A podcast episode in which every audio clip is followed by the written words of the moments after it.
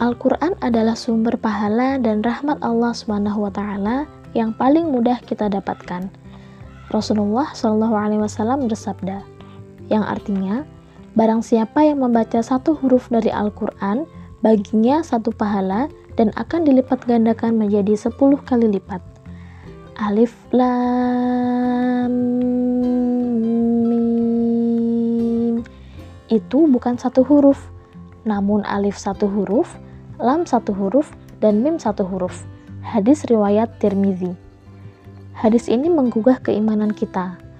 Adakah kerinduan dan keimanan dalam hati kita akan besarnya pahala dan rahmat Allah Subhanahu wa taala di balik Al-Qur'an yang mudah kita jangkau ini? Alangkah ruginya jika Al-Quran hanya menjadi bacaan saat bulan Ramadan saja. Lebih dahsyat lagi kerugian itu, orang yang hanya mau membaca saat ada kematian anggota keluarga di rumah. Dan sudah tidak terbayang lagi besarnya kerugian mereka yang sepanjang hidupnya tidak pernah menyelesaikan bacaan Al-Quran 30 juz sampai akhir hayatnya. Peluang beramal di depan kita sangat banyak. Ada jihad, infak, sholat malam, dan lain sebagainya. Namun, dari semua amal soleh yang ada, yang lebih mudah dan terjangkau adalah tilawah Al-Quran. Bayangkan untuk berinfak, mungkin masih terkendala oleh minimnya keuangan. Untuk sholat malam, mungkin terkendala oleh kesiangan dan seterusnya. Namun tilawah nyaris tidak memerlukan daya dukung yang khusus, kecuali kemauan diri kita. Oleh karenanya, jika ibadah tilawah ini belum terjangkau, kendalanya hanyalah minimnya keimanan kepada Allah taala dan hari akhirat yang masih lemah.